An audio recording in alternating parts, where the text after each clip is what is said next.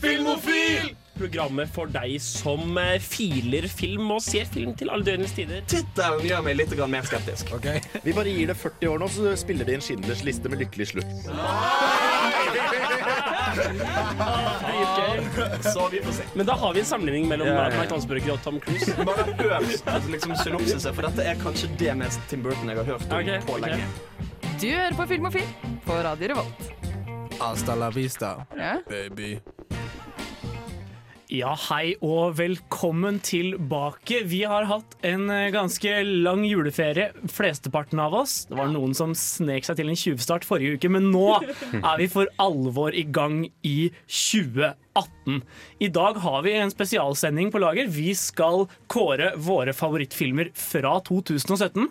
Så jeg tror det blir eh, veldig mye gøy å snakke om i dag. Med meg i studio så har jeg på teknikk Henning. Og vi har også med oss fra Dansk Filmskole. Frida? Og vi har også med oss vår regissørspire. Sunniva? Og selvfølgelig gode gamle Der var det, det var lav lyd. Ja, jeg heter i hvert fall August. Og eh, nå tenker jeg vi skal eh, hoppe rett over på en låt. La oss høre Young Dreams med uh, 'Somebody Else'.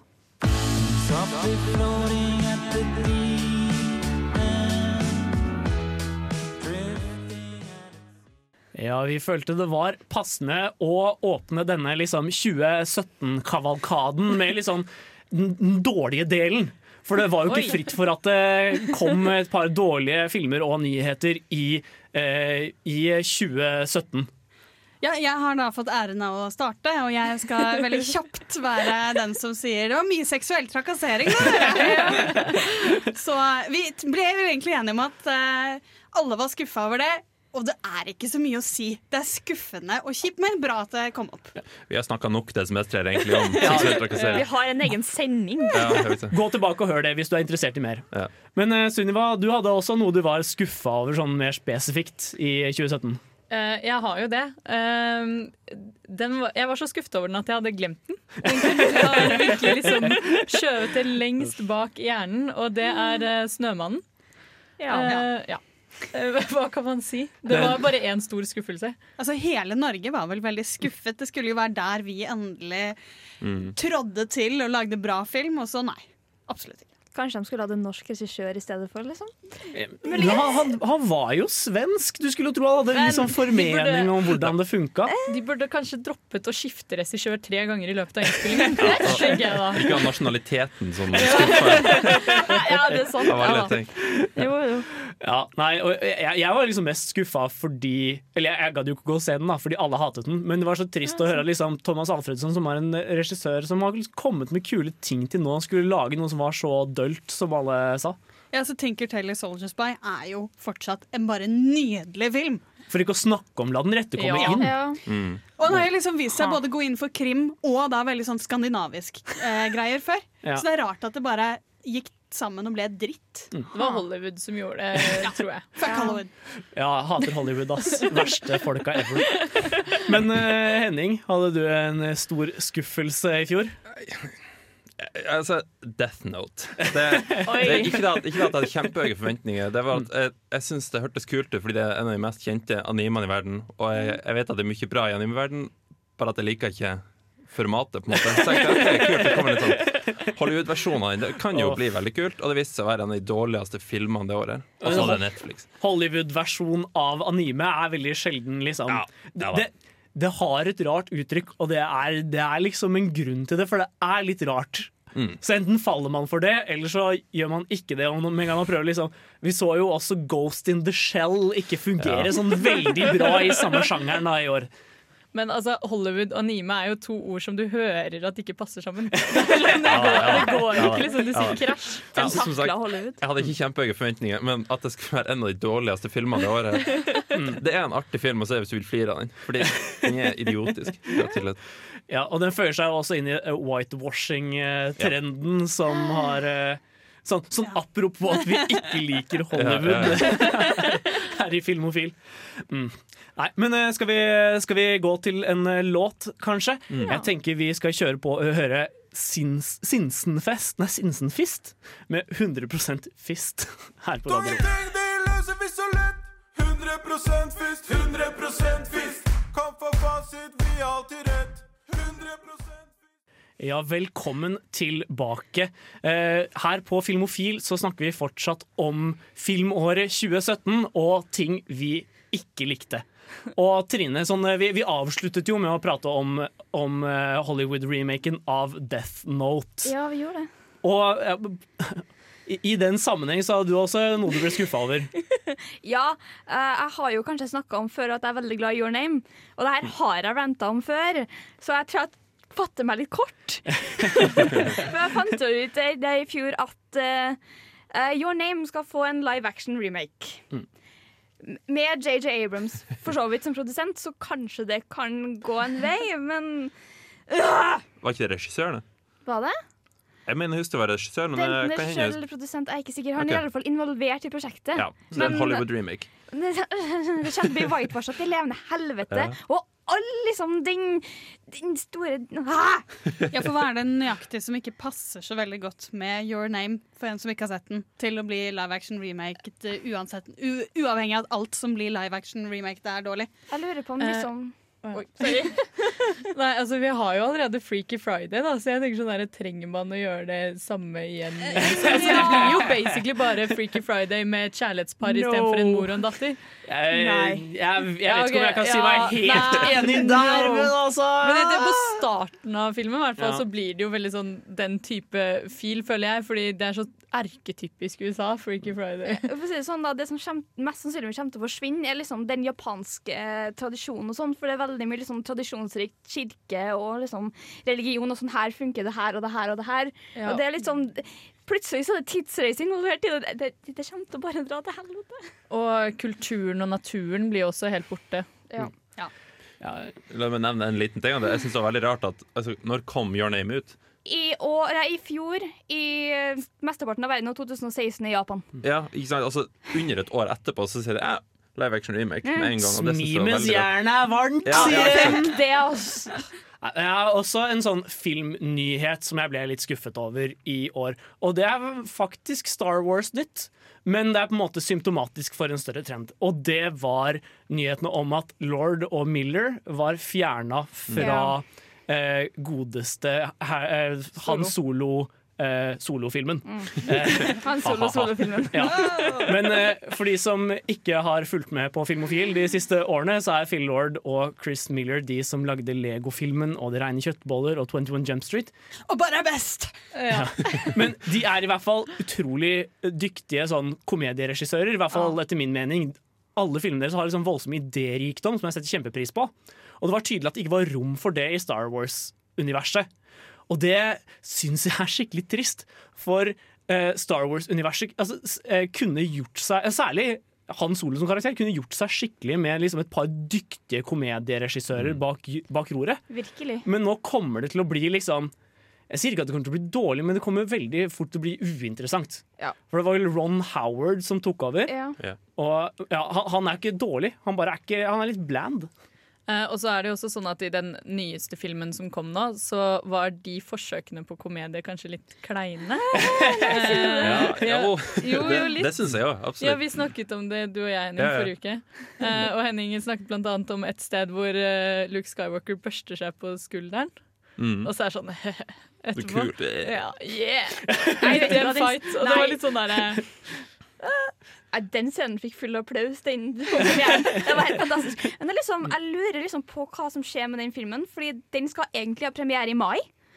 Og ha- Ah. det har ikke kommet noen trailer eller teaser eller nå fra den filmen. Så jeg lurer virkelig på om den blir utsatt til desember, den òg.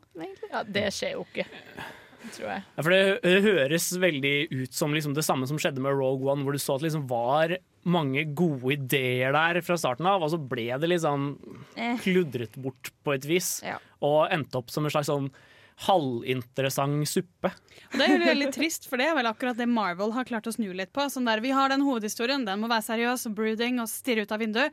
Men på en måte de sidehistoriene de klarer ikke matche det uansett. Sånn at der har du på en måte Noen filmer, da. Jeg er ikke veldig stor Marvel-fan, men du ser i hvert fall at de prøver litt ulike ting. At det er jo egentlig en god ting.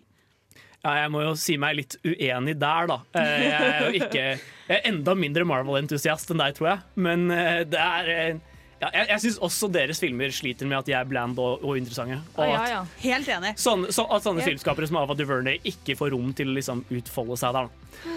Men, men vi får håpe det bedrer seg i fremtiden. Inntil da tenker jeg vi hører Great News med Told.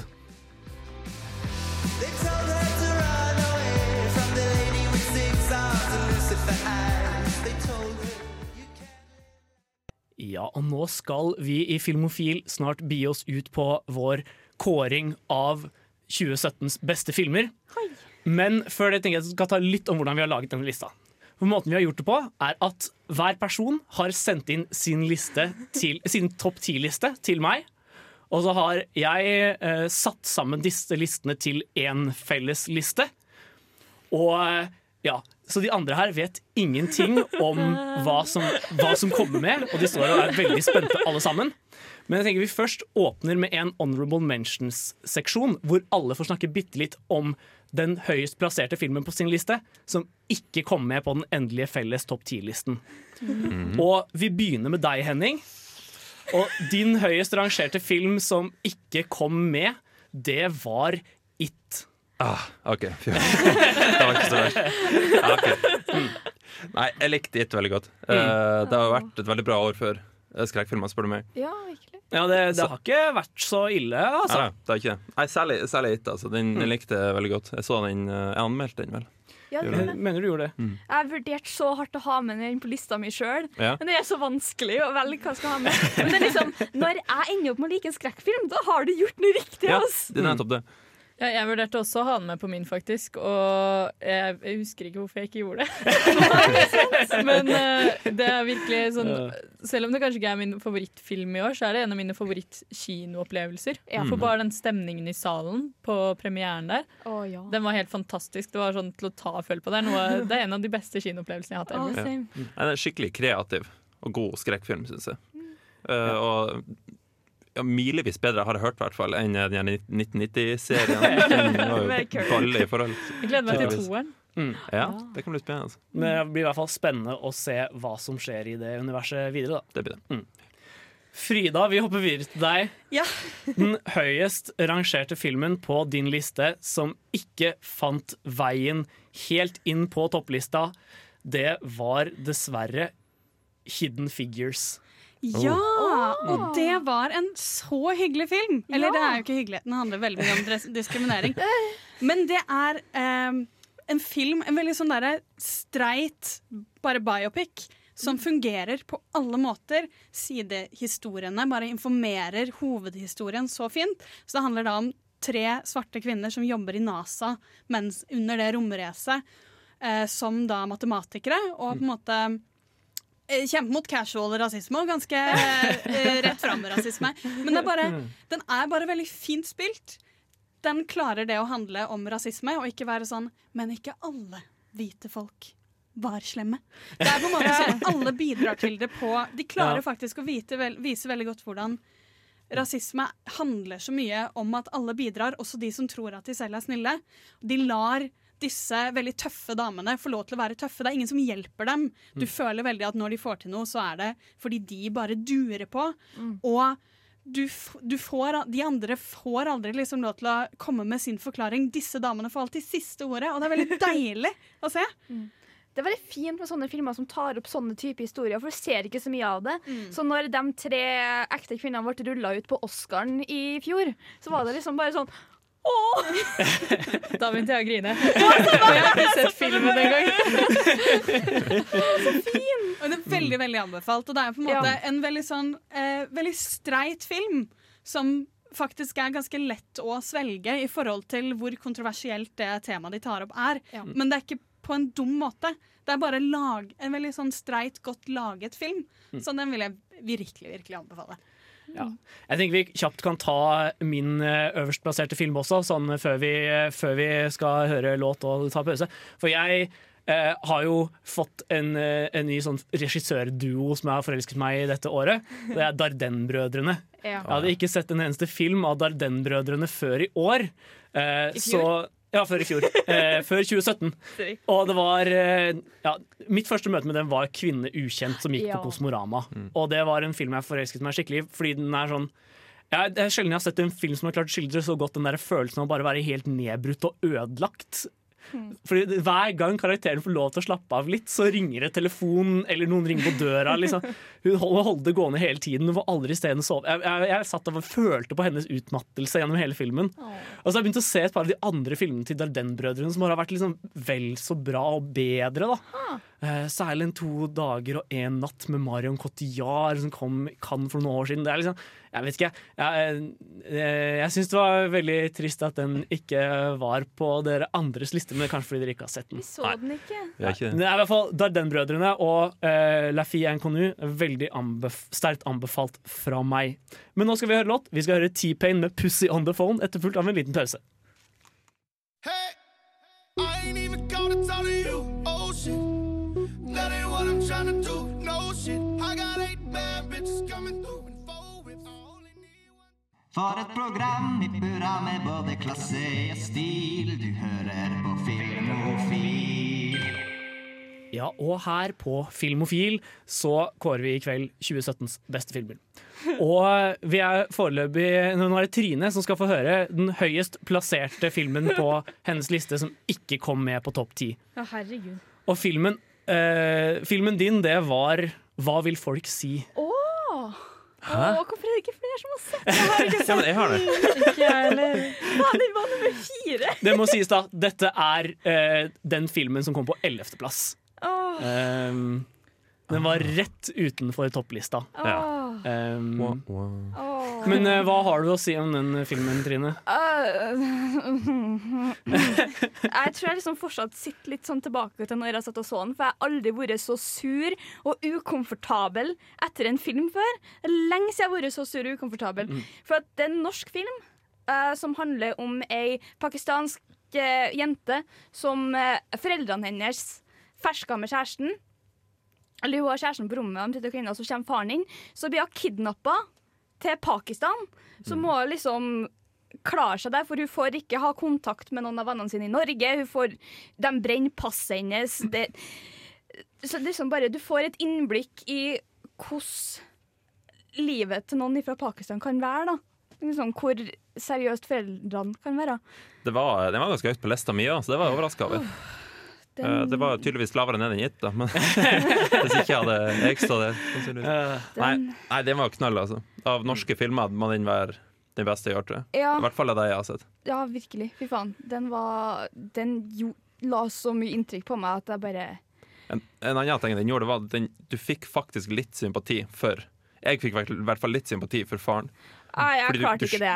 Eh, eh, Man skjønte liksom posisjonen hans. Ja ja, men nei, eh, nei vet du hva faen er altså. Men, men det er ganske jævlig å kidnappe dattera di og sende henne til Pakistan. Fy faen, det er liksom, hun, kommer seg, liksom. hun kommer seg ut av biler i Tyskland liksom på en motorvei, og det er ingen av bilene som stopper. Alle bilene kjører liksom bare forbi. Det er ingen som gjør noe. Mm. Så hun blir bare dratt tilbake til biler, og faren bare gjør det der igjen, så dreper jeg deg. Så liksom den, den filmen der, å fy faen. Men det må jo sies at denne også har gått veldig godt på norske kinoer. da Og har Mm. blitt en veldig sånn, publikumssuksess også. Så den er, den er rett og slett en eh, suksesshistorie for uh, norsk film. Iram Haq, det er en Mm. dame som Mm. har lagd den nå. Den er skikkelig kjempe. Men nå må vi hoppe videre til eh, deg, Sunniva. For Nei. din høyest plasserte film som ikke kom med, det var La La Land. Var det det? Ja. Nei, nå var jeg helt innstilt på at det var The Disaster Artist. Ah. Nei, da er jo ikke den med i det hele tatt. Å ja, nei. Uh, La La Land? Å ja, OK. Ja. Da kan jeg bare hoppe inn og si at det skulle være min store skuffelse i år.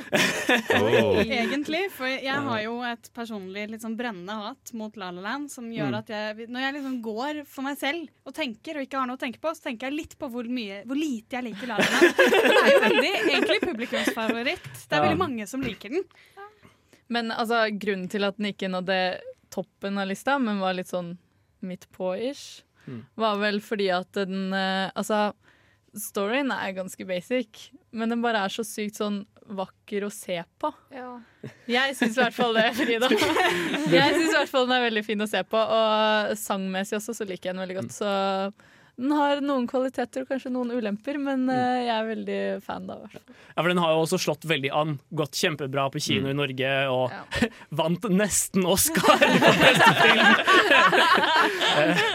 Men eh, i hvert fall, det er en eh, Ja, den, den har slått an. Og så er det jo Ryan Gosling, da. Hallo. Ja, ja. Man kan jo aldri mislike han. Nei. Eh, knapt lagd en dårlig film, den mannen. Eh, men ja. Nå skal vi høre en låt. Vi skal høre Dop Doppla med 'Running Forward' her på Radio Revolt.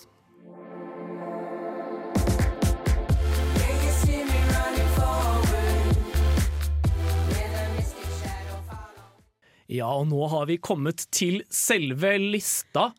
Topp ti filmer fra 2017 ifølge Filmofildemokratiet. Og vi begynner faktisk med en delt niendeplass, akkurat som i fjor. Eh, og det disse to filmene har til felles, var at de dukket opp som andreplassen på hver sin liste, men på ingen andre lister. Og de to filmene er Guardians of the Galaxy volum 2 og The Handmaiden. Jeg tenker Vi begynner med Guardians of the Galaxy volum 2. Ok, Jeg grein som en baby. Jeg lå i liten fosterstilling. Mm. Og eh, jeg syns Guardians of the Galaxy faktisk er det Vi var litt inne på det. Det eneste jeg ser på i Marvel-universet. Fordi de har på en måte Det er mest fjas. De har gått bort fra det at det skal være sånn øh, mørkt. Ser ut av vinduet. Men de har, i motsetning til mange av de som er mørke, tatt budskapet og på en måte den emosjonelle kjernen skikkelig seriøst. Så den handler jo faktisk da om eh, fem ganske traumatiserte mennesker. Og i motsetning Eneren brukte veldig mye tid på liksom å få, å få dem til å bli et, et team, da. Mm. Mens i toeren så hadde de mer tid til å se på eh, personenes eh, relasjoner, og kanskje spesielt deres forhold, familieforhold, som ofte da var ganske voldelige, mishandlende, og se hvordan det farger dem. Og det syns jeg de klarte å bake inn på en overraskende flott og egentlig optimistisk og ganske kompleks måte i forhold til at de er mest kjent for å spille fancymusikk. Eller sånn morsom musikk. uh, jeg er enig i veldig mye av det du sier, men uh, for, for meg så var den litt sånn Eller jeg syns det var veldig bra det med familierelasjonene, men det gikk på en måte litt utover plottet. Eh, for min del. Jeg synes det ble litt sånn Jeg visste hele tiden hva som kom til å skje en halvtime frem i filmen, men samtidig så klarte de liksom å holde på litt sånn ja, godmusikken og filen og sånn. Og jeg grein også som en unge. Og jeg så det på en pressevisning hvor det bare var menn i dress som sitter og noterer. Og jeg sitter og hulker som alene i salen, og det var helt forferdelig. Ja, for jeg syns kanskje måten de behandler plottet på, er veldig riktig. Sånn, jeg, det er egentlig veldig fint beskrevet at startscenen har de jo denne ganske store episke kampen i bakgrunnen, og så ser du bare på Baby Groot gå rundt i forgrunnen og danse. Og det er veldig beskrivende at de tar seg De går bort fra den der hovedplottet som vi er vant til å forvente, Mm. for karakterenes følelser. Og det syns jeg er veldig bra. Det syns Jeg egentlig Jeg skulle ønske jeg fikk mer av det, rett og slett. Ja, Men nå skal vi over til en veldig veldig annen film. For uh, uh, Park Chan-wooks The Handmaiden kom jo også høyt på i hvert fall én liste. Ja, Det var vel min, sikkert. Ja, det var din. Ja, jeg, jeg så den filmen for bare en uh, uke siden, så jeg har ikke Mm. helt klart å liksom ta alt innover meg helt ennå, Nei. Men uh, jeg likte den veldig veldig godt i både utformingen og i eh, litt sånn den der litt creepy stemningen, men litt sånn er det noe galt her, er det ikke noe galt her? Eh, filen som jeg satt med hele filmen. Da. Ja, og Park Chan-wook er jo beryktet for liksom den typen sånn det er et eller annet som ikke er helt bra her, Ja. eh, stemningen. Men hva? Den, er ikke, den er ikke like der som det Oldboy er, for eksempel. Eller Stalker, Stoker, som var den forrige filmen hans. Men jeg har også bare lyst til å eh, liksom berømme The, The Handmaiden for å ha hatt fjorårets kanskje beste trailer. Mm. For den Mm. første traileren til The Handmaiden er noe av det aller frakkeste jeg har sett. Altså, den første liksom, internasjonale traileren det er, Den klarer å virkelig få fram den der fucka Park Chan-wook-stemningen. Mm. Og det er det veldig sjelden du klarer å liksom, fremmane i bare en trailer. Og så er det ufattelig pent å se på. Da. Ja, det er skikkelig Alt er liksom et maleri. Det som kanskje uh, var litt problematisk for meg med den filmen For det første så fikk jeg den spoila. Ja, Eh, og det det var en veldig, det var en veldig subtil Og det, det, dette er en spoiler-heavy film.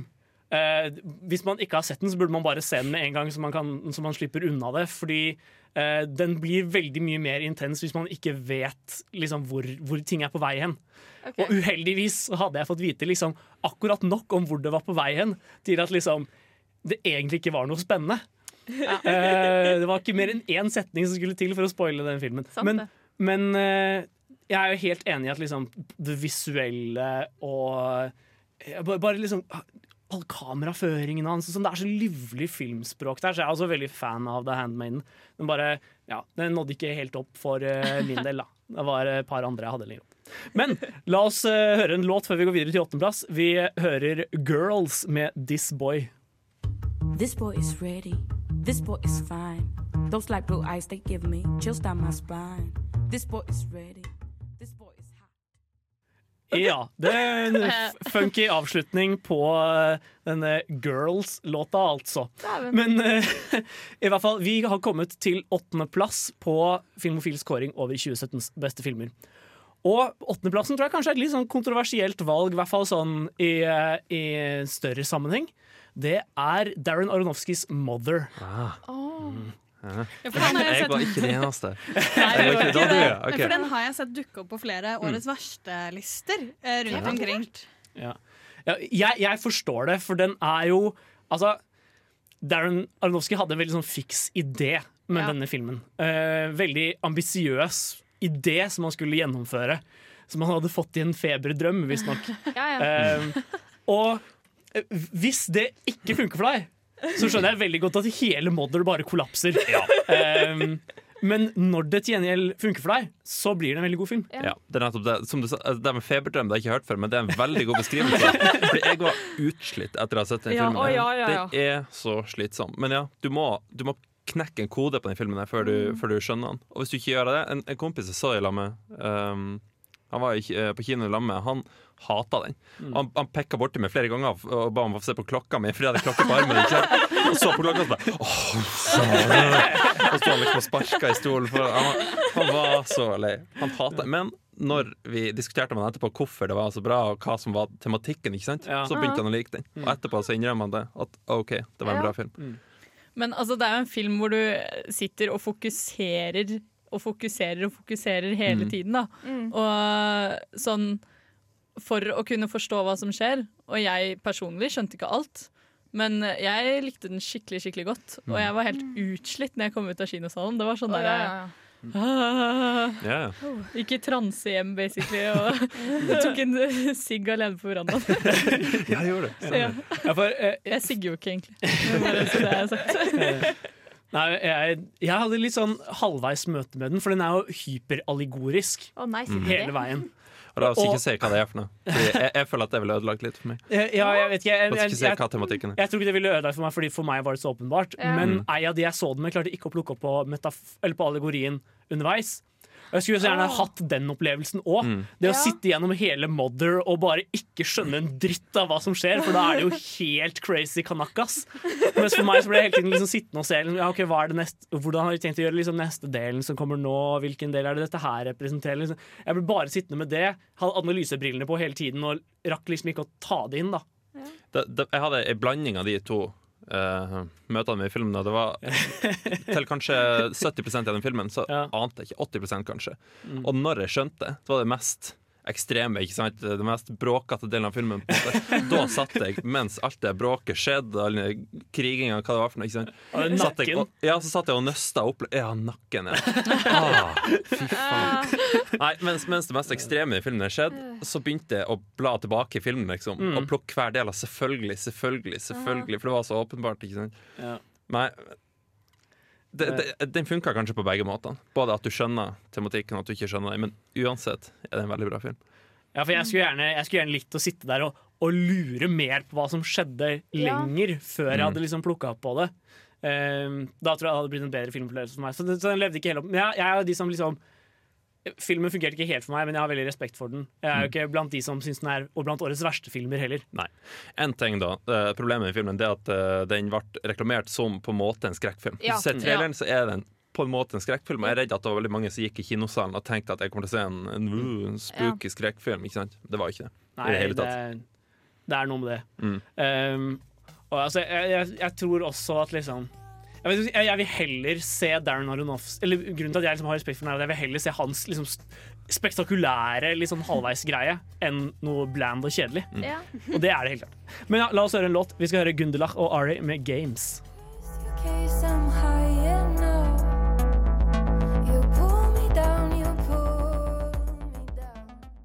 Ja, og på Filmofils sjuendeplass over 2017s beste filmer så finner vi nok en eh, film som ble markedsført som horror. Men i dette tilfellet så var det horror. Det var bare veldig mye mer enn det også. Vi snakker selvfølgelig om Raw. Ah. ja. Jeg var ikke med oss der heller. Det, var du, August. Det var meg. men, eh, men ja, du, det var du som hadde den høyest plassert, så du kan få si litt om den. Ja. Jeg hadde den vel på førsteplass, hvis jeg ikke husker Ja. feil. Den, jeg, jeg har sett den to ganger nå, og det er nok en film som er utmattende. Sånn som 'Mother', som jeg snakket om, men på en litt annen måte. Jeg husker jeg var fascinert første gang jeg så filmen. At jeg, jeg var litt sånn Jeg var ikke kvalm, men jeg hadde vondt, i magen. liksom etter å ha sett den. Og så kom jeg ut sant, og, og snakka så mye bra om den filmen til vennene mine. og sånn Til slutt klarte jeg å dra med meg to, to venner. Så var vi og så den, og kom ut. Akkurat samme følelsen. Jeg, jeg satt i går og skulle prøve å skrive litt om den til en Mm. nettsak vi skal ha ut. Og jeg liksom kjente på den der samme kvalme følelsen fra noen av scenene som jeg hadde mens jeg så det. Det er, det er noen scener her som er skikkelig udelikate, ass! Virkelig. Kan, kan fortelle sånn kort om filmen. Det, det er en, eh, en fransk film om en veterinærstudent som i, eh, i eh, Hva heter det for noe? I starten av studiet. Hva heter Ja, jeg, jeg har- har sånn-. Eller hun er ny student da på denne veterinærhøgskolen. Mm. Uh, er vegetarianer, har vært det hele livet. Og så skal de ha sånn opptak til Linjeforeninga, Ja. hvor uh, de blir tvunget til å spise en rå kaninnyre.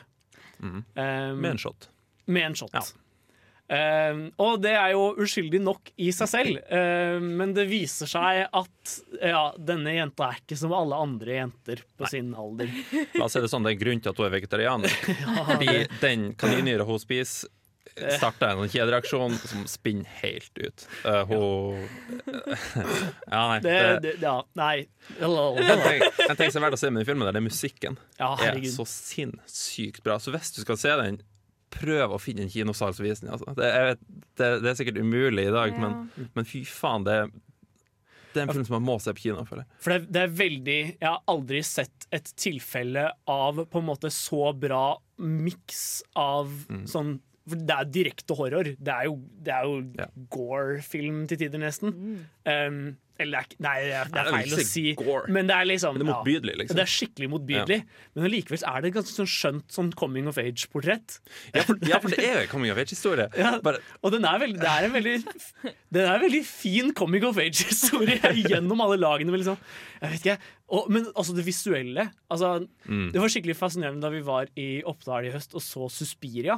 Oh, ja. um, for da skjønte jeg plutselig hvor liksom de horrorfilmene som har kommet de siste årene, var inspirert fra. da Ja. Med synt soundtrack, eller sånn intenst synt, syntmusikk og kjempefargesprakende visuals.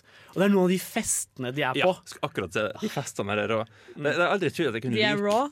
De er rå. Ha, ha, ha. Nei, men de er rå. R-å, altså.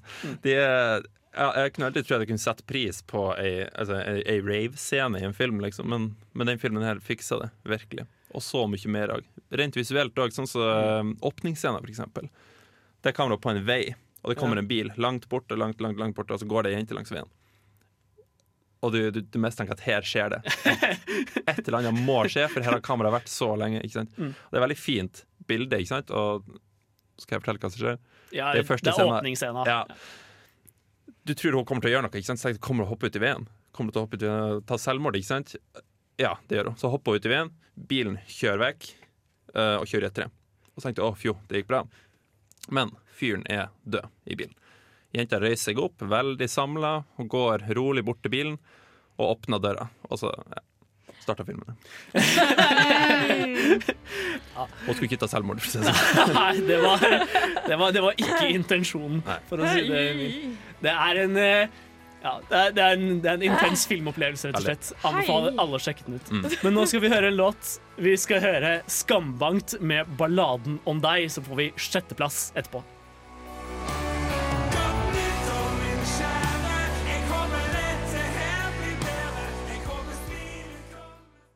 Ja, og sjetteplassen på vår kåring Den går til en film vi allerede har vært så vidt inne på i kveld. En eh, favoritt hos mange. Vi snakker selvfølgelig om Your Name. Mm. Og Your Name er også en sånn film hvor man ikke helt bør vite alt som skjer. Men altså, åpningen virker så utrolig klisjé. Jeg synes det er så fascinerende å se traileren på den, Fordi når man ser den, så tenker man sånn Oi, dette ser ut som en sånn dritklein romantisk komedie. Freaky Friday. Ja, det er akkurat det. Nå ser jeg for meg som Freaky Friday. ja. Det, det handler da om en eh, gutt som bor i Tokyo, Mhm. og ei jente som bor i en eh, mindre småby i Japan. Ja. lenger sør på kysten, hvis jeg ikke husker helt feil. Eh, men i hvert fall, plutselig en morgen så våkner de opp i hverandres kropp. Uh, og så har de den der body swap-greia gående, ikke sant. Og plutselig begynner å utvikle seg dypere følelser her. Um, Og i motsetning til Freaky Friday så er jo ikke de på samme sted, så de har jo null Nei. kontroll over Mm. hva den andre gjør i sin kropp. da. Mm. Men det som er så altså, Kan vi bare snakke litt om hvor vanvittig pen denne filmen er? Å, herregud! Um, for oh. Makoto Shinkai, han som er uh, regissøren bak filmen, da, uh, er en veldig anerkjent anime-regissør. Ja. Men filmene han har laget til nå, har vært veldig style over substance. Uh, jeg så en av de tidligere filmene som het Garden of Words, og det er liksom Det er, det er vanvittig pent. Historien er totalt uinteressant. Um, I hvert fall for meg, da. Ja, ja. Så det var så utrolig herlig å kunne se en Makoto Shinkai-film som ikke bare hadde liksom beholdt det fantastiske, den fantastiske visuelle stilen hans, men som også hadde en utrolig rørende historie. Eh, Jeg har jo sett den to ganger, og jeg må si at sånn andre gangen var litt skuffende. Fordi at Mm. du fikk ikke den samme liksom, opplevelsen som det første gangen er pga. historien. da. Ja. Men eh, likevel så må man jo påpeke hvor på detaljnivå de bildene er. da. Fordi altså, Ikke bare er det utrolig vakre naturbilder, men også de i Tokyo. Så er det sånn Du kan se hvert eneste vindu i hvert eneste bygg, og du, altså, alle trafikklysene og alle ledningene. De gir deg så sykt filen, da. Ja. Og så for ikke å snakke om maten. Hvordan maten ser ut på forbanna filmen. Det er sånn, jeg, jeg spiser ikke mye, altså, men jeg kunne ha spist det der. Ja. Og det var ekstra merkelig for min del, for jeg hadde jo nettopp vært i Japan i tre uker Ja, og sett, liksom, sett hvordan kulturen funka. Og så dro vi og så den, Sunniva, i eksamenstida. Og plutselig så ser jeg liksom sånn Oi, de, de er jo på date i det museet hvor jeg var, jo! Hæ? Eh, og så ser du liksom Og, og da, da lærte du deg å verdsette detaljnivået på en helt annen måte. For når det er liksom Når, når, det, når, s- når de viser en togstasjon, så står det liksom med bitte liten skrift Ja. i ene hjørnet liksom JR, som er liksom Japan Railways. Det, al- alt er liksom Alt er akkurat sånn som det skal være. Det står en sånn brusautomat på hvert eneste gatehjørne. Liksom, alt var der. Men allikevel så ser det ut som kunst. Ja, ikke sant? Jeg, ja, jeg vet ikke, jeg, er veldig, veldig, veldig fan av denne filmen. Jeg, jeg, jeg vil ikke snakke noe mer. Jeg, jeg, jeg kan ikke prate noe mer. Jeg har, jeg har gørsa nok, har jeg ikke det? Jeg har nok. Jeg har en anmeldelse. Dere kan Mm. høre på. Se den. Det, det er veldig, veldig varm anbefalelse Ja. Eller anbefaling, heter det kanskje. Fra, fra oss i Filmofil. Nei, La oss eh, ta en eh, liten eh, låt. Tenker vi hører Tame Impala med 'List of People To Try and Forget About'. Oi.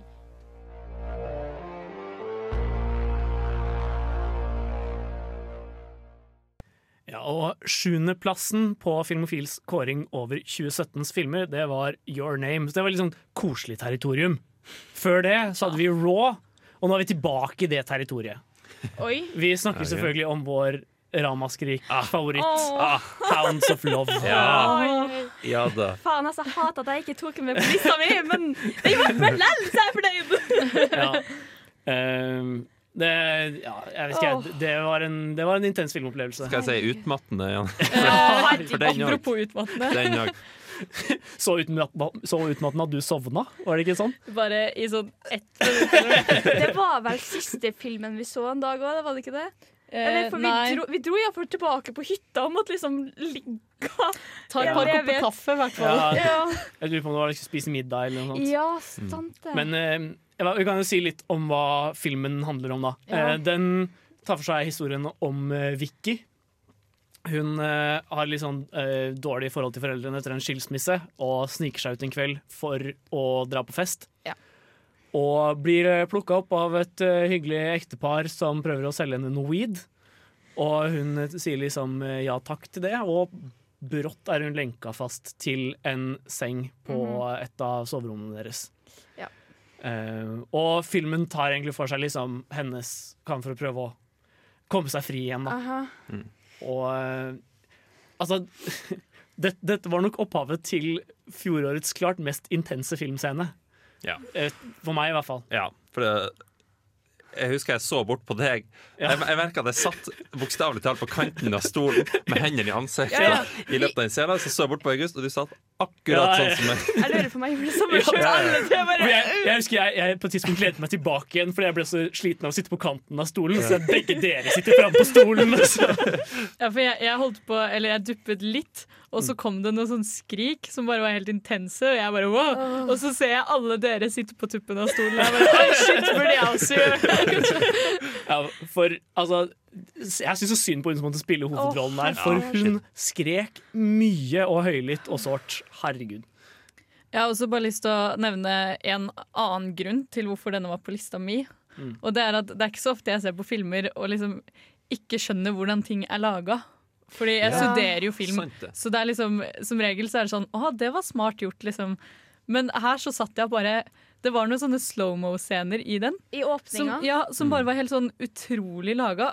Jeg satt der og bare Men, men hvordan? Fordi det kameraet beveger seg, og Det- folkene Det var bare, det var bare litt sånn sjukt. For det var et slow motion tracking shot med masse bevegelige mennesker, Ja. men trackinga gikk dritfort. Ja, det var dritmerkelig. Det var rart. Det var, det var som skutt i en bil, ikke sant? og du kjørte forbi ei skole hvor noen jenter spiller basketball. Eller noe sånt der. Og bilen Ja, basketball eller volleyball. helt klart. Ja, Ja. samme det, i hvert fall. Eh, så går hvis, hvis du prøver å regne ut hvor fort den bilen egentlig kjørte, så er det helt sinnssykt. Jeg, jeg skjønner ikke hvordan de fikk til det. det Nei, også den, der, også den der hoppetauscenen etterpå, for det Ja. var jo bare en sånn Aha. rolig kjøring bortover gata, men fortsatt. Det er hoppetauet til de jentene.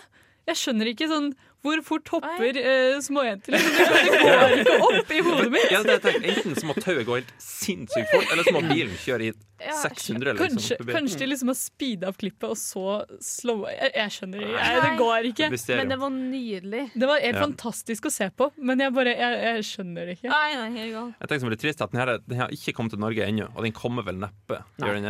Den har blitt sluppet på DVD allerede, og det Ja. er et dårlig, dårlig tegn. Men hvis du har lyst til å se den, så anbefaler vi veldig sterkt å dra på platekompaniet og kjøpe den. Den var Fordi på du, du kan kjøpe den på platekompaniet? Den var på bestselgerlista deres rett før jul, faktisk. Tydelig at, tydelig at mange andre har vært i Oppdal og også blitt frelst for. Hands of Love. Og det var en annen ting som er imponerende med det, det var en regidebut. Oi. Nei, hva er det? Men, men bare hvis du skal se en, ha liksom en sånn kopp Eller ha, ha tørkepapir i nærheten. Kopp til å liksom. samle tårene. ja. Og noe god mat. Bare Ja, for meg så var den ikke egentlig liksom dette, var- Den var mer i sånn kategorien eh, deprimerende enn en liksom tårevåt. Ja, det, mer ja. drama enn skrekk, på en måte. Altså, Ja, men var, det var, det var, jeg var skikkelig ubekvem der til tider. ass. Det var liksom litt for intens til å gråte. For du var mye mer sånn stressa hele tiden på hennes vegne. ja, du var liksom. mer redd enn du var lei. deg, på en måte. Ja. Det, det, men det var ja. Det var virkelig en av fjorårets klart mest intense filmopplevelser. Ah, en herlig sånn oppdagelse i Oppdal på Skrekkfilmfestival. Liksom. Ja, wow. ah, det var eh, virkelig helt fantastisk. Men eh, nå skal vi høre en låt. Vi skal høre Sparks, Ivan Ave og Fie med I Know her på Radio Revolt.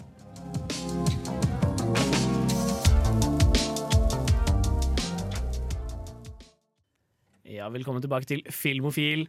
Og eh, Frida, nå har du vært stille ganske lenge. Ja, man, Men- blir litt, eh, man ser ikke så mye film når man bor i et land som ikke gir ut film som ikke er dubbet. Men nå kommer vi til en film du liker ganske godt, for på fjerdeplass så har vi Moonlight. Yay! uh, Moonlight er veldig bra, da. Så Ja. det fortjener den jo absolutt. Det må, kan, ikke, Mm. kan ikke noe annet enn å si meg enig i det. Du har... vant jo faktisk eh, beste film. Ja, det var derfor jeg tenkte å si du har ikke tatt noe feil nå, har du det? Nei, det var egentlig La La Land. eh, Sorry. Eh. Oi. Nei. Men det som, jeg, jeg ble så positivt overraska over den, for jeg hadde trodd det skulle være en sånn der standard sånn oppvekstdrama. Men så var den så Den hadde så kunstnerisk integritet at jeg ble Mm. helt satt ut over at den hadde vunnet en Oscar. Ja, det er jo, jeg pleier jo som oftest å si det at det er første gang på mange år Oscar-komiteen har gitt beste film til en faktisk fortjenende film. Det er jo en film som fortjener virkelig, så, sånn helt kunstnerisk også, fortjener å få en sånn type utmerkelse. For den klarer å ta et eh, Det handler da om en eh, ung homofil svart mann som vokser opp med en mor som er eh, avhengig av heroin. Og eh, utvikler et sånn eh, forhold med Ikke forhold i det hele tatt, et farsforhold med da hennes dopdealer, egentlig. Mm. Mm. Og så følger du han gjennom oppveksten hans med liksom tre installasjoner. Sånn ett mens han er barn og har, eh, blir kjent med den dopdealeren. En når han er ungdom og oppdager at han er homofil, og en når han da blir voksen og hvor han har blitt av etter det. Og det er veldig det bare klarer å si noe utrolig fint om karakterene og miljøet uten å på en måte ta noen sånne der, eh, snarveier Mm. i det hele tatt. Ja, for det er litt sånn, De presser jo inn ganske mange temaer her, som uh, i seg selv kan være filmer. Altså Vokse opp med en dopavhengig mor, eller vokse opp som uh, homofil på et sted hvor det ikke er godtatt, eller eh, det å være svart og leve med rasisme. Det er mange ting, da, og det de har klart, er jo på en måte det der å ikke ta fra noen av historiene noen ting. da. Al- De har klart å fortelle alle tre tingene uten at det blir helt kaos og helt sånn derre eh, Ikke noe oppmerksomhet til det og sånn, da. Og jeg tror det er den trepartsinstallasjon-grepet som, som gjør at det funker så godt. Mm. For man liksom Man får på en måte én fortelling om hans barndom, en fortelling om hans ungdom og en fortelling når han er voksen. Uten at det er så mye sånn direkte overlapp mellom dem, men du ser hvordan de har påvirket hverandre. Og det er liksom Mm. alle, alle hadde fungert som kortfilm i seg selv, nesten. Ja. Mm. Um, og jeg vet ikke, det er, det er en sånn utrolig rørende og, og, og fascinerende film. En ting, Du sa Sunne, at den ikke har klart å ta fra noe, men jeg føler også at den, den la liksom ikke til noe til historien. De var akkurat nok til at de føltes så utrolig ekte ut. Ja. Mm. Det er Det historier ble som ikke for mye- Nei, det ble ikke for mye. Sånn som du kan altså La La Land, for eksempel. Ikke sant? Det, det er litt sånn det Over klisjé, på en måte. Ja. Ja. over the top. Ikke sant? Det føltes så utrolig ekte ut. Jeg tror kanskje det er noe av grunnen til at den har blitt så kjent også. Den er jo da skrevet av to svarte homofile menn som har en eh, heroinavhengig mor. ja. Så eh, på en måte du, Og det, jeg tror det er det man ser, at det er noen som har klart å ta hele den litt kompliserte eh, bakgrunnen sin og fange den på film. At det, ikke, at det er derfor de klarer å gjøre det så ekte, da. Og at Mm. det ikke blir overdrevent. For det, jeg tror veldig mange kjenner på at sånn, selv om det er så tunge temaer, så har den så lite dom i seg, spesielt mot hun moren, som Mm. man er så vant til at sånn Og så når han blir voksen, så skal han gå og skal han si 'You ruined my childhood, ma'am', og så skal han gå ut og så liksom Og det er ikke det i det hele tatt. Du ser hvilken tragedie hennes liv også er, og hvor mye hun har prøvd, men ikke klart, og liksom Å, det øh.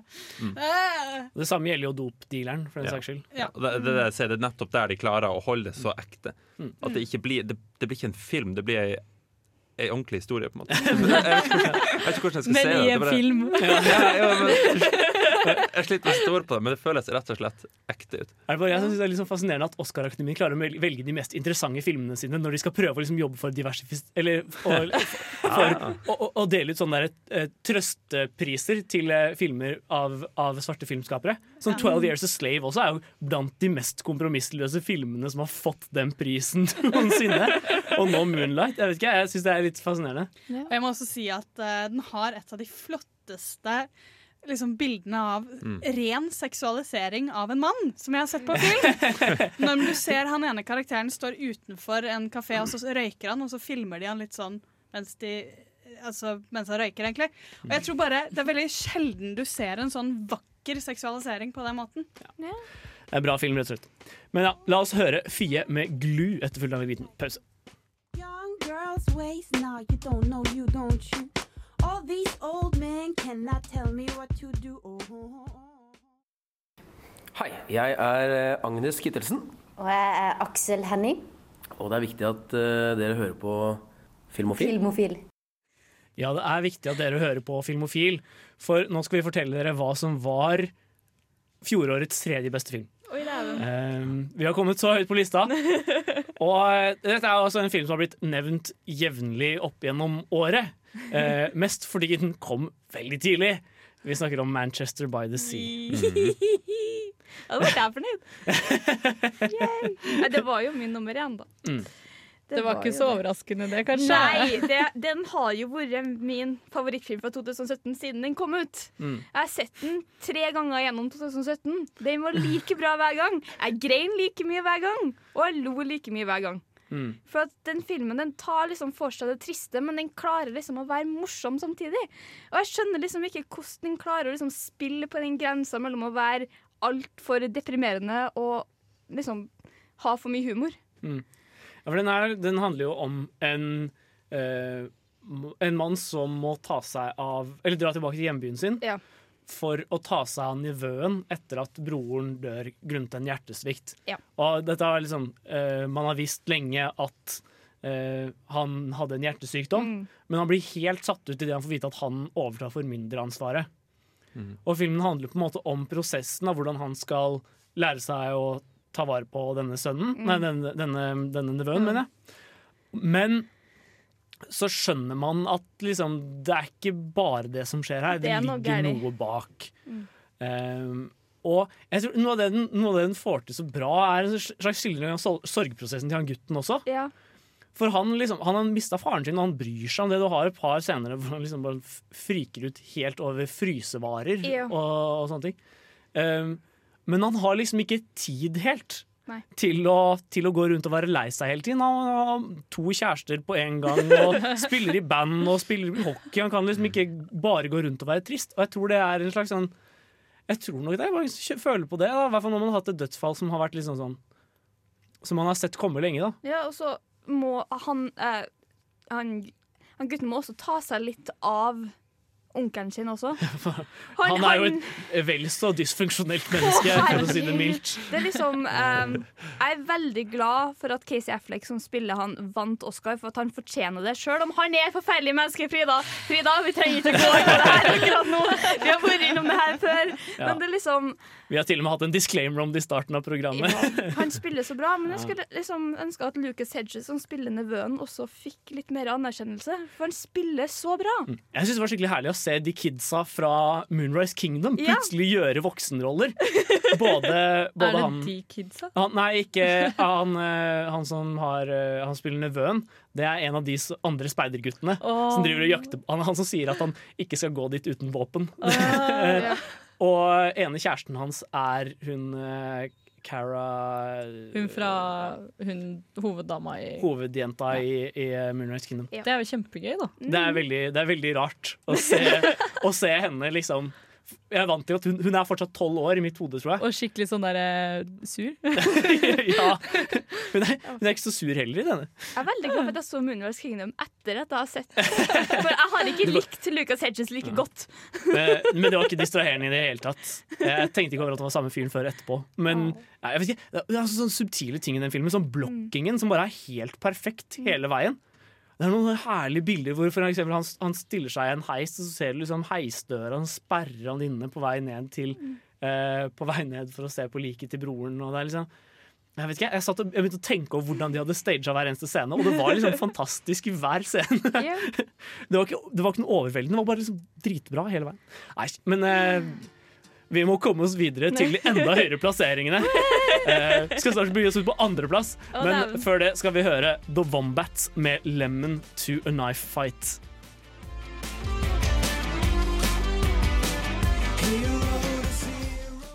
Ja, og nå er vi fremme ved andreplass på lista til Filmofil over 2017s beste filmer. Og ja, det er neppe en overraskelse for de som har hørt på denne høsten, at eh, At Blade Runner 2049 tar en plass så Ja, høyt opp. Eh, dette var den store andreplassfilmen. Den var på andreplass for både meg, Henning og Trine. Eh, så den, eh, den klarte å liksom ja, fyke nesten til toppen. Um, men, eh, men ja, hvor, hvor skal man egentlig eh, begynne med den filmen? Kan jeg nevne musikken igjen? Musikken Samme som Raw. For Raw førsteplass. Bra musikk. Blade Runner andreplass. Veldig, veldig veldig bra musikk. Ja, eh, det må jo sies at liksom Eller det, jeg syns det er litt vanskelig å begynne å forklare handlingen til denne. Ja. For det er liksom ikke det som er så mye poenget, føler jeg. Nei. Den, eh, den bare liksom sender deg inn i en slags sånn hypnotisk tilstand av bare være i et eller annet fiksjonsunivers, og Mm. jeg elsker det. I nesten tre timer. Ja! Det, ja. Ja. Det, hvordan wow. fungerer det? det? Det føltes som tre timer, men det var tre helt fantastiske timer. Mm. Uh, jeg bare liksom kunne leve i sånn vakre bilder og heftig musikk. Og, liksom. og den klarte å beholde noe av tematikken fra den originale Blade Runner-filmen også, følte jeg. Med en slags sånn ja, syn på hva, hva er bevissthet og, er og dødelighet. Og, um, jeg vet ikke, og samtidig som den føltes som et eh, skikkelig Villeneuve-verk. Jeg vet ikke, Mm. jeg jeg er veldig, veldig fan. Uh, ja, fordi storyen er jo litt sånn uh, hipp som haps, men det er bare bildene og alt det andre som gjør det skikkelig skikkelig vakkert. Og jeg har tenkt i ettertid at jeg skulle nesten ønske jeg ikke hadde sett eneren for, før jeg så den her. Fordi storyen hadde vært skikkelig sånn mysterie for meg Mm. om jeg ikke hadde sett eneren. Så jeg har gått og tenkt litt på det i det siste. Det, det kan jo ikke snakke om Blade Runner 2049 uten å nevne Roger Deakins, da. Jeg trodde du skulle si Ryan Gosling! Nei, ikke ennå, ikke ennå, men det er liksom cinematografien til Ryan Deakins i den filmen her. Ryan. Ja, ja. Jeg så eh, Blade Runner på, eh, på Studentersamfunnets Mm. filmklubb for et halvt år siden. nesten. Ja, og når, når jeg så den, så, ja, eneren, ja. Uh, ikke den nye. Uh, da ble jeg litt overraska, på en måte, Fordi det var ikke det jeg forventa i det hele tatt. Og når jeg så oppfølgeren, altså Mm. Blade Runner 2049 er den Ja, heter, 2049. Når jeg så den, det var akkurat det jeg forventa når jeg hørte om Blade Runner. Altså, alt jeg hørt om Blade Runner, den originale, så langt, liksom. Jeg hadde forventa nøyaktig Blade Runner 2049, og det var så deilig å se den. Jeg elsker den filmen. her Den er fantastisk. Men det, det er sant som du sier, at du, du levde virkelig inn i det universet. Og plottet er, det er bra, for så vidt, men det er ikke det som er viktig, egentlig. Men kan vi hoppe litt tilbake til Roger Deakins? For hvis han ikke vinner den jævla Oscaren sin nå da, Jeg har sagt at jeg, forlater Filmofil. Men dette sier vi hvert år. Nei, nei, Og men- da vi starta å si det, så hadde han fortsatt tapt for gode filmer i mange, mange år. Men det må sies, Roger Deakins har en tendens til å gjøre dritbra foto, men aldri være liksom helt best. Altså det er sånn Foto i Prisoners, dritbra, men foto i Gravity er også helt vanvittig. Ja. Og samme foto i no, no Country for Old Men. Skulle tro at det var Oscar-verdig, Oscar men så har du There Will Be Blood samme år. Ja, ikke sant. Altså, det er liksom, han, har, han har bare hatt jævlig uflaks, egentlig, Ja. Roger Deakins. Uh, han har lagd sine beste filmer det året noen andre har lagd noe liksom helt ekstraordinært. Ja. Uh, men i år så tror jeg virkelig at liksom Blade Runner har en sjanse der. Ja, for hva kan egentlig konkurrere? Dunkirk. Dunkerque Dunkirk er Og den er litt sånn dum, så den føler jeg Oscar ikke Ja, Nå den er veldig sånn Oscar. Jeg er helt Veldig. Oscar. Ja, det det er det, veldig dessverre. Oscar-bait. Dessverre. Ja. jeg, vet ikke, jeg har respekt for Dunkirk, uh, og den er også godt fotografert. Det, man kan ikke Ja, klage på det. jo Liksom. da. Jo da. Men, Det er det jeg men den, er ikke, den er ikke ekstraordinær eh, på samme måte som det Blade Runner Jeg vil ikke forlate Filmofil ennå. Ah, nei. Men uh, i hvert fall, vi har et stor, store håp for Blade Runner 2040 i Oscarsammenheng. Ja. Men eh, nå er vi nødt til å høre en låt før vi går videre til førsteplass. Vi skal høre Chromeo med Juice her på Radio Revolt. Relationships ain't a democracy. I'm good if you just stay on top of me. Ja, og nå har jeg æren av å annonsere Filmofils førsteplass over 2017s filmer. Og det er Thelma.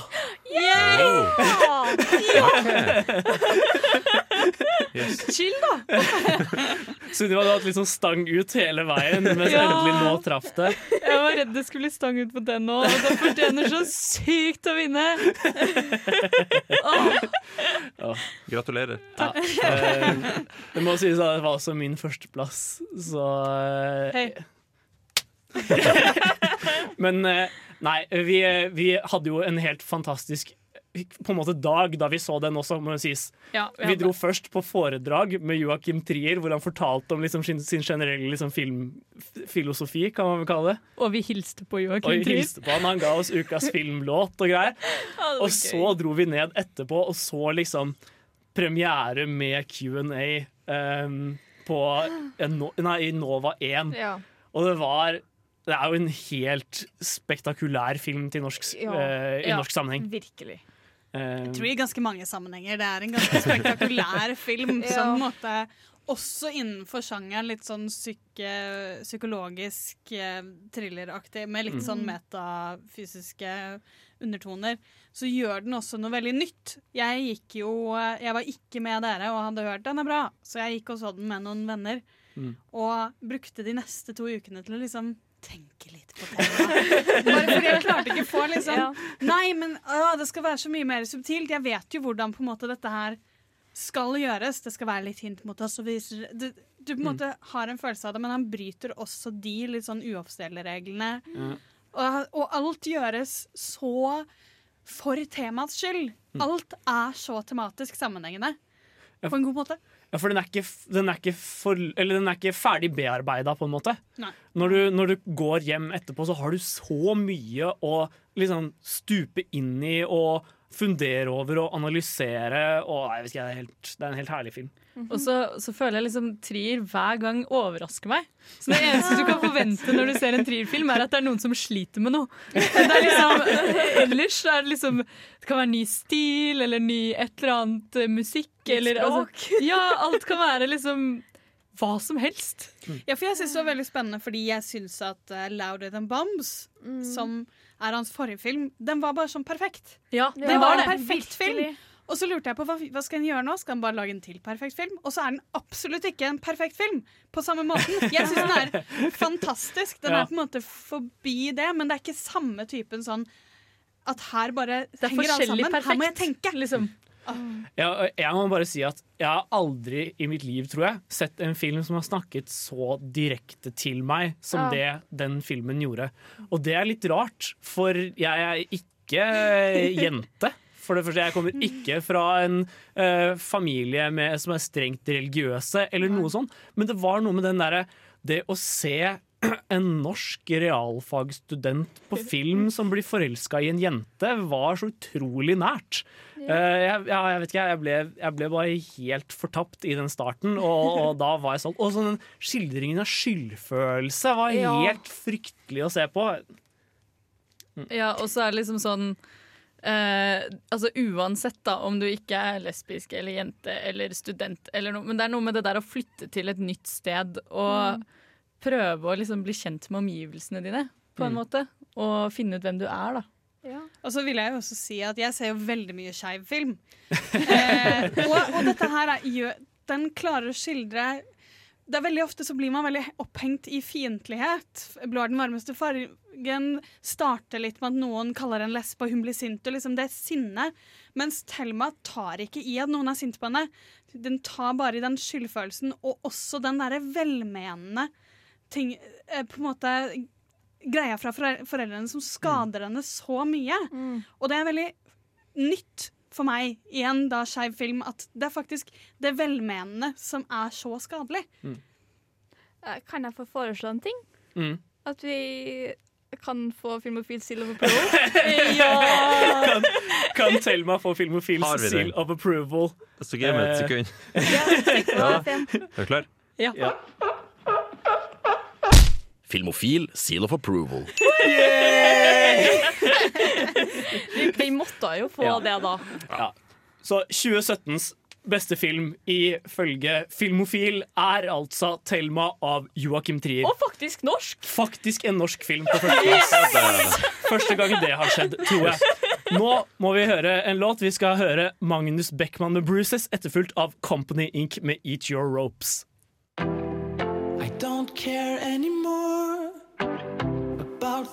Things I used to know. It's much harder. Ja, nå har vi fått konstatert hva eh, 2017s beste filmer var her på Filmofil. Eh, hvis du lurer på det, så er det bare å gå inn på radiorevolt.no og hele, høre hele sendinga på nytt. for Alle høydepunktene. Eh, med meg i studio i dag så har jeg hatt på teknikk. Henning. Og jeg har også hatt med fra Dansk filmskole. Frida. Og vår faste regissør Spire. Sunna. Og gode gamle Trine. Eh, I dag eh, skal ha jeg også en litt sånn Eller ukas eller neste uke skal vi snakke om Ridley Scott. Så i ukas hjemmelekse blir Thelma and Louise. Way. Og jeg vil også poengtere at vi i Filmofil skal ta opp en ny person. Så hvis du kunne tenke deg å bli med, så er det bare å søke. Søknadsfristen går ut på søndag, så man må skynde seg litt. Men eh, vi håper på å møte nettopp deg på intervju. Samfunnet.no slash opptak. Samfunnet.no slash opptak. Nå skal vi høre en veldig koselig låt på vei ut.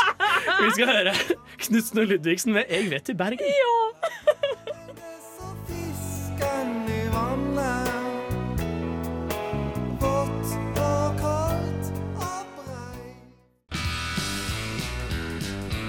Du lyttet nettopp til en podkast fra Radio Revolt. For å høre flere av våre podkaster, gå inn på radiorevolt.no.